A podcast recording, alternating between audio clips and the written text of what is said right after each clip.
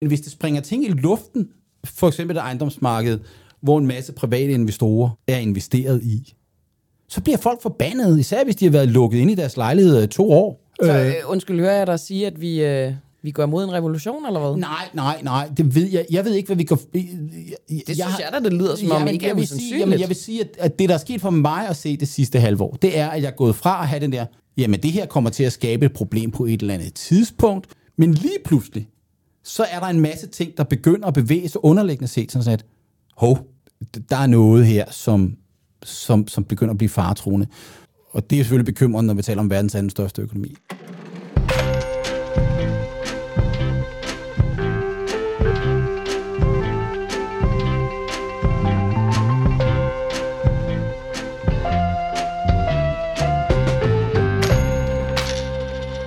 Velkommen til Boraki og Pengedoktoren med mig, Camilla Boraki, og min øh, medkompan, Lars Christensen, Præcis. uafhængig økonom.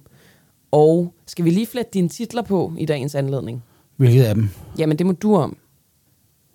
Jamen altså, nu, jeg er jo min egen øh, analyse- og rådgivningsvirksomhed, så det, det kan man jo starte med at sige, at øh, det er man. Men jeg, jeg, kan, jeg kan jo faktisk bedst lige sige, at jeg bare er økonom, fordi det er sådan, jeg har det lidt sådan, og det lyder fuldstændig selvovervurderende, men det er en åndelig tilstand at være økonom. Det er en bestemt måde at tænke på. Det sagde du også i vores første afsnit, og Ja, det gav og- mig jo håb for, at jeg kunne blive økonom. Ja, det kan du godt. Øh, det Og jeg at blive det. Ja, og, og, øh, og, og når, jeg, når jeg møder nogle af mine, øh, især gamle studentermedarbejdere, eller folk, jeg har undervist, øh, også måske 20 år senere, så kan jeg godt se, at der går sådan nogle rundt, der har... Hvis jeg har, hvis jeg har haft et chefforhold til nogle studentermedarbejdere, for eksempel, så øh, udover at de skal lave et håndværk og sådan noget, så eller hvis jeg underviser, så, så og det gør jeg jo også, fordi jeg er blandt andet ekstern lektor på CBS, at det her med at tænke som en økonom, og det er nogle gange, altså, øh, det der er lidt smukt ved noget af den økonomiske tema, det er noget, i- især det vi kalder mikroøkonomien, altså om menneskelig adfærd. Øh, det er sådan counterintuitivt. Øh, hvorfor gør de det? Når det, det er tit økonomer øh, øh, kommer i konflikt med folkestemningen. Fordi de, ikke bare fordi de siger sådan noget, du må holde igen med forbruget eller et eller andet. Nej, nej, det er sådan mere kedeligt det der. Men, men også nogle gange sige, vi har jo for eksempel et begreb, der tit folk de bliver sure over en pris. Ikke? Noget er for dyrt. Det er fandme for dårligt, at smøret koster så meget, eller det er altså for dårligt, at vi kun betaler dem det, og sådan noget. Og så sidder økonomisk sådan, det er jo bare markedet. Det er udbud og efterspørgsel. Øh, prisen er, hvad prisen er. Og det har man ikke, kan man ikke have en moralsk holdning til. Øh, og, det gør os jo sådan lidt kantet. Og, vi, vi, hvis, og, og, og det er derfor, man skal have en, man skal, man skal også, hvis man, hvis man skal udtrykke det, så skal man jo også være villig til at blive kontroversiel. Og det har jeg slet ingen problemer med at være. Jeg søger ikke at være kontroversiel, men mange af de ting, jeg laver, skal man sige, den, skal man sige, den del af det, som jeg vil sige, er sådan at gå sådan en public intellectual, hvor jeg, jeg, jeg, jeg har offentlige holdninger. Det handler tit om det der. Altså, jeg... Øh, øh, øh, at du, altså, hvor folk bliver følelsesmæssigt øh, ja, de bliver sgu oprørte, ja, de ikke? bliver sgu oprørte, ikke? Øhm, så, så giver det for dig som økonom ingen mening at blive følelsesmæssigt oprørt, fordi det bare er, som det er. Ligesom Jeg bliver sol, tit ligesom, irriteret ja, og ligesom solen sur, og- Ja. Er det sådan, jeg skal forstå det? Ja, altså... Jeg, øh, Fordi markedet er, som markedet er. Det er ikke så længe siden, jeg så en, øh, en øh, overskrift på BT's hjemmeside, hvor der stod... Øh, øh, Nå ja, det var da, da, da vi fejrede, eller Jonas Vingegaards øh, Tour de France blev fejret, så skriver BT på forsiden øh, på deres øh, site der, at DMI ødelægger vejret.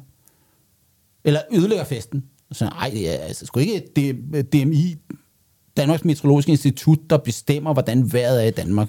De har lavet en prognose, der siger, det bliver pissende regnvejr. Det er ikke DMI's skyld.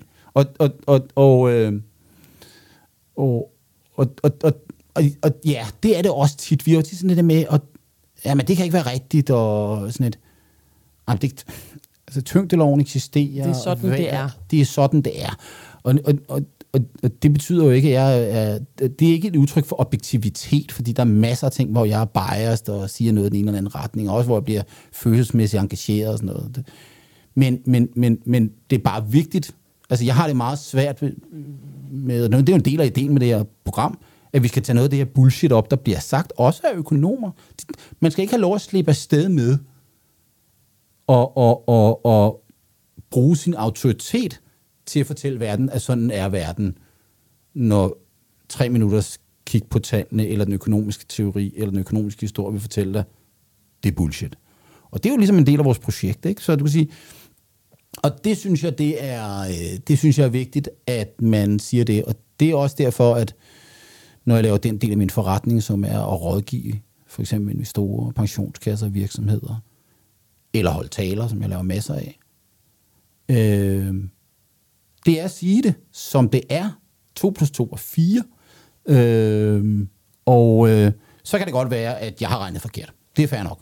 Men, men, men jeg, jeg bliver irriteret over især økonomer, som når de går ud fra universitetet, har brugt fem eller seks eller flere år på universitetet i at lære økonomisk teori, økonomisk forskning, økonomisk historie.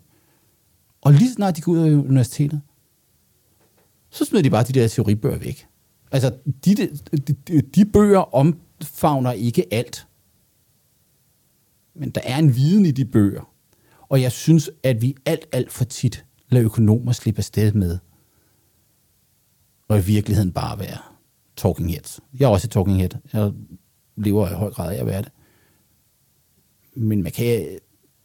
Jeg, jeg insisterer på at prøve at huske teoribogen og den økonomiske historie og gå tilbage 200 år og finde ud af, hvad det var. Øh, og det bliver et foredrag i sig selv, det her. Men nu skal vi jo så også se tilbage og frem. Det skal vi nemlig. Og øh, det, det her, det startede jo om, at du skulle sige din titel. Ja, det, økonom. Og det har jeg ikke så sagt. Jeg sagde økonom. Nå, men det er jo fair nok. Nu har du også forklaret, hvad, der, hvad du mener ligesom ligger til grund for det, og det ikke bare er en titel i virkeligheden. Ja, præcis.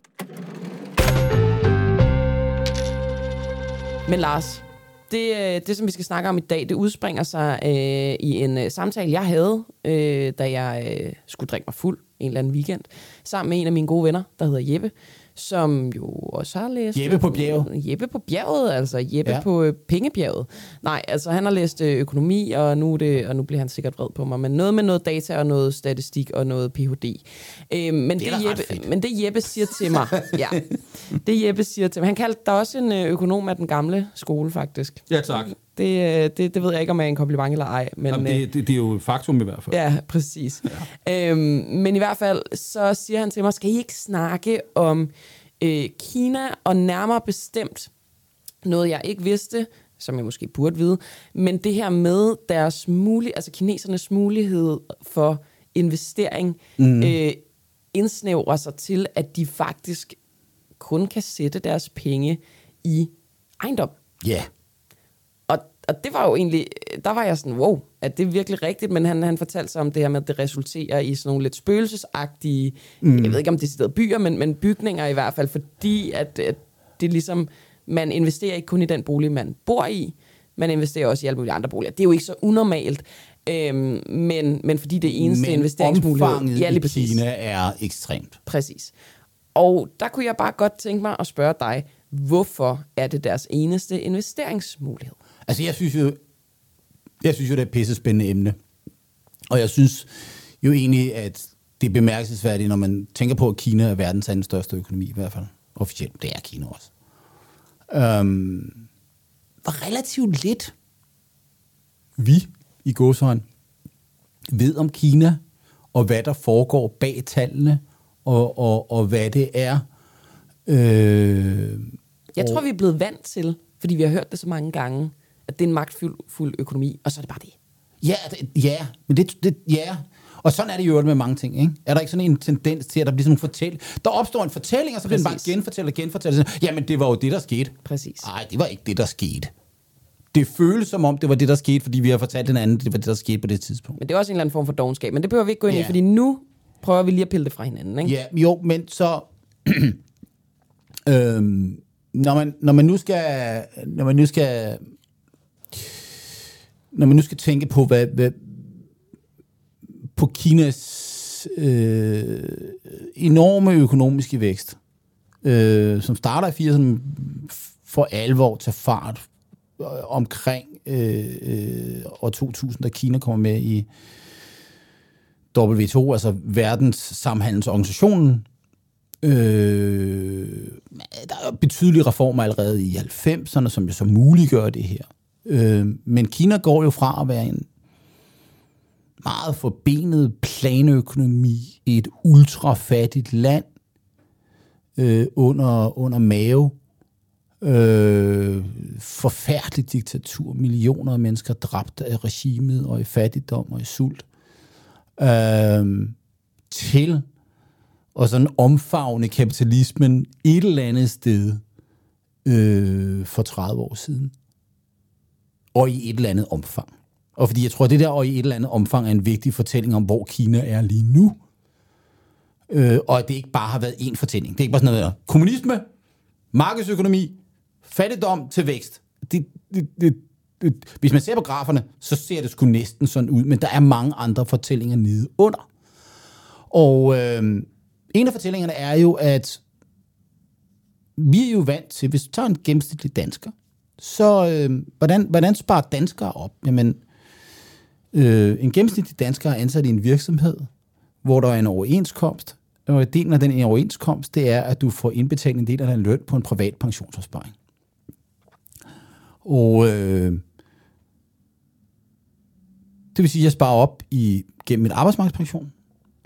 En meget stor del af danskerne ejer også deres eget hus eller lejlighed. Det vil sige, at de sparer op ved at også gå ud og låne til at købe det her hus eller lejlighed. Og, og så betale lånet af. Og så betale lånet af. Det vil sige, at de skaber friværdi, og det er en måde at, at det. Og så øh, endelig, så er der nogle danskere, som har nogle penge stående i banken. Øh, når man ser på, hvor mange penge danskerne i gennemsnit har stående på banken, bankbøgerne, så, så, så, er det, så, er det, så er det chokerende mange penge. Øh, og øh, så er der så også nogen, der ud over det, jo for eksempel, hvis, hvis, hvis man vil købe aktier i Danmark, så går man ind i sin bank, og så opretter man aktiedepot, eller man går på Nordnet, eller man går på Saxo Bank, eller nogle af de andre, der tilbyder aktiehandel, og så gør man det. Det er der ikke så mange danskere, der gør, blandt andet fordi det skattemæssigt ikke nødvendigvis er så attraktivt som at spare op i sin ejendom eller gennem sin pensionsopsparing. Men, men i det store hele, så kan vi jo spare, vi kan købe aktier, vi kan købe obligationer, vi kan købe hvad som helst, vi kan købe en lejlighed, vi kan købe et hus, øh, vi sparer op pension. Vi har adgang til et avanceret, veludviklet, stabilt finansielt system. Og det gør sig gældende i langt de fleste højindkomstlande, eller retter. Der eksisterer ikke nogen højindkomstlande, hvor det ikke er tilfældet. Det er en forudsætning for det. De går hånd i hånd. nu spurgte jeg mig, hvad jeg laver. Det er blandt andet noget af det, jeg har jeg lavet, lavet forskning om på, på CBS. Vi kan også, hvis vi går til lande, der er lavindkomstlande, hvis vi nu tager til, øh, til et afrikansk land, øh, Uganda, så øh, er der Uganda ikke noget veludviklet finansielt system. Der er ikke arbejdsmarkedspensioner. Altså et land som Uganda, der er hovedparten af befolkningen i virkeligheden selvstændige. Altså de er gadehandlere, og de er landmænd og alt muligt andet. Så der er ikke et pensionssystem, der er ikke en veludviklet banksektor, og i øvrigt, så har man en centralbank af de lande, som nødvendigvis ikke leverer øh, stabil og lav inflation, som det flyver ned. Valutaerne kører op og ned. Øh, og der er også et betydeligt element af politisk ustabilitet, og måske vigtigst af det hele for at få udviklet finansielt system, det er beskyttelse af ejendomsretten. Det vil sige, at hvis jeg ejer... Hvor, hvorfor? Hvad, hvad er, hvordan, hvis jeg nu vil starte min egen virksomhed og købe en maskine, jamen hvordan, hvordan kan jeg finansiere det? Den øh, peruanske økonom, økonom øh, Hernando de Soto har en teori om, at det i virkeligheden er muligheden for at belåne sin ejendom, øh, som gør det her. I langt de fleste lavindkomstlande, der er ejendomsretten ikke vel reduceret. Det vil sige, at den gadehandlende står et eller andet sted på gaden i Tunis i Tunesien. Og han står der, han, han tror egentlig, han ejer det sted, han står. Men så kommer politiet hver dag og kræver, du skal betale nogle penge for at stå her, jeg skal have noget korruption. Jeg kan, jeg kan jo ikke, den gadehandler kan ikke gå ned i banken og sige, jeg ejer en spot på gaden i Tunis, og den er den her markedsværdi, jeg vil godt låne nogle penge til at udvikle et eller andet, så jeg kan lave en hjemmeside, så jeg kan lave noget markedsføring. Whatever. I 2010 fik det en tunesisk gadehandel til at brænde sig selv ihjel, og det var det, der udløste den det er såkaldte arabiske forår. Fordi hans ejendomsret ikke var beskyttet. Hvis ejendomsretten er beskyttet, så er fundamentet for at kunne lave lånemarkeder for at få finansielle sektorer. Og det kræver også en institutionel udvikling. Og vi ser i Danmark, begynder bankerne og de skandinaviske lande i løbet af 1700-tallet udvikle sig senere. I virkeligheden har vi kun i et par hundrede år haft banker i nogenlunde bankmæssig forstand. Kun. Moderne forstand. Ja. Fordi det kræver jo i virkeligheden, at kongen ikke en dag kommer og siger, nu snupper jeg lige din ejendom. Kunne jeg sige, din minkavl. Det, det, er en, det er et krav, at der er en respekt for ejendomsretten, at det skøde, du har, det kan du gå ned i banken og sige, jeg har jeg det her. Jeg ejer det her. Det, det her er kan jeg mit. kan belåne. Ikke? Og det er Hernando de Sotos uh, kerne i den bog, der hedder Mystery of Capital. Som jeg synes er en fascinerende tanke. Og du kan sige, hvor er så, hvad er så problemet i Kina? Det er, at Kina har heller ikke den der finansielle system. Kina har ikke opbygget det der finansielle system, fordi blandt andet, og det er jo så lidt interessant i forhold til det her ejendomsinvesteringsting, som jo er en meget bizarre ting, at du kan ikke eje land i Kina. Du kan lease land. Og når du siger land, Jord. jord og beton, øh, Øh, Eller hvad? Du ejer betongen, men ejer der, betongen. hvor betongen står på, det kan ryge ud mellem hænderne. det ejer den kinesiske stat eller Yes. den regionale regering i, i den provins, du nu måtte bo i. Så der er det typisk, så kan du godt have, at du har en, en måske 99 års lejekontrakt med staten, som du så betaler for at leje. Men det vil sige, der er jo virkeligheden, hvis jeg nu skulle gå ud og så sige, jamen jeg vil godt belåne min ejendom, så siger staten, så siger, så siger banken til dig, at det, øh, det er meget fint, men, men du ejer den jo ikke, og hvad sker der så, når din lejekontrakt med staten går så og udløber? Eller hvad sker der, hvis staten finder ud af, at her ja, der skal du kan være... ikke stille den sikkerhed, der skal til. Nej, præcis. for, at Ikke? Og det er noget, jeg skulle sige. Og, og, og det vi kan se jo, det er, at kinesiske finansielle system aldrig rigtig er blevet udviklet. Og, og, og det er naturligt, det er naturligt, at, at et land med et meget lavt indkomstniveau ikke har det. Men øh, Kina har en lille finansiel sektor på den måde. Altså en, en, en, en, en ikke særlig avanceret finansiel sektor. Og du har jo ikke alle de ting, som vi måtte have i pensionssystemer, adgang til det. Kinesere kan ikke bare købe aktier internationalt, for eksempel. Altså hvis en dansker har lyst til at købe en Tesla-aktie, så opretter de et aktiedepot i en bank eller noget Nordnet eller Saxo eller et eller andet, og så køber de en Tesla-aktie, så ligger den deres depot. Det kan en kineser ikke bare gøre Fordi på grund af restriktioner. Fordi der er kapitalrestriktioner, der er, altså der er ting, du må ikke bare føre pengene ind og ud af landet. Så der er en række ting, der gør, at du ikke har et vindue. Det vil sige, at når du nu går fra at have leve ude på landet, altså hvis du, hvis du nu går ud og tænker på en kineser for 30 år siden, for 40 år siden, der bor i en landsby et eller andet sted i en kinesisk provins. De lever i en verden af, at de arbejder på en eller anden statslig eje landbrug, og de får penge der. Og de får så en eller anden pension, men deres primære pension, det er, at de får nogle børn. Og hvad er børn? Jamen børn, det er i virkeligheden et forsikringssystem. Altså hvis du er meget fattig, så skal du have en helvedes masse børn, der kan et hjælpe dig i den produktion, du har. Du, du, du er landmand, du skal have nogen til at rende rundt her. og men du du pas på dig, når du er pas gammel. på dig, når du bliver ældre. Ja. Det er ligesom setup. Når du bliver rig, så er børn noget, vi, øh, det er forbrugsgoder. Så det er derfor økonomer, de tænker ubehageligt og bliver upopulære, når de siger, at mine børn, Mathias og Mathilde, er mine forbrugsgoder. Men, men jo måske også noget, forældre godt kan relatere til Ja, i ja, fordi vi Danmark. beder dem jo ikke om at, at, at lave vores arbejde for os, og vel, vi kan dårligt nok få dem til at tømme opvaskemaskinen. Jeg skulle lige Ikke? til at sige det. Så, så, så, så, øh, øh, så, så, så, så, så det, er jo, det er jo det, der sker. Og det vil sige, når du så flytter en stor del af befolkningen i Kina, og det er jo en del af den kinesiske væksthistorie, det er, at man flytter den der landbefolkning til byerne, hvor de bliver produktionsmedarbejdere. Så, for, så forsvinder det der også. Så indfører vi jo også, hvad hedder det, øh, øh, etbørnspolitik. Du må ikke få børn, så du må ikke have, du må ikke have opsparing i at have flere børn, vel? Altså, hvis der kun er et barn, så er det ikke sandsynligt, at de kan tage sig af dig. Det ene barn. Så du skal finde en eller anden måde at spare op på, men du må ikke være i aktiemarkedet, der er ikke noget velfunktioneret, der er ikke, du kan ikke bare have en masse penge stående på en bankkonto, der giver noget. Du kan ikke gå ud og købe en masse statsobligationer, eller købe nogle udenlandske valuta eller et eller andet. Hvad er der så tilbage? Jamen det, der har været tilbage i høj grad, det er også noget, der er steget værdi, nemlig boligmarkedet. Bum. Bum. Og så er vi Selvom, tilbage, hvor vi startede, ikke? Ja, og det, og det, sige, det er sådan set et udtryk for, at der var ikke andre muligheder, men egentlig også noget, der er gået godt. Og du kan sige, når, når du har den her urbanisering, altså folk de flytter fra landet til byerne, hvis man tager billeder af Shanghai, som er Kinas økonomiske centrum, nu og for 40 år siden, så ligner Shanghai jo sådan et billede af det. Det er ligesom at se New York, ikke? Masser af, af, af, af højhuse eller skyskraber og øh, massiv økonomisk aktivitet og millioner af indbyggere. Og hvis man tager billedet af Shanghai i 1985, så er det en meget, meget lav by, uden meget økonomisk aktivitet.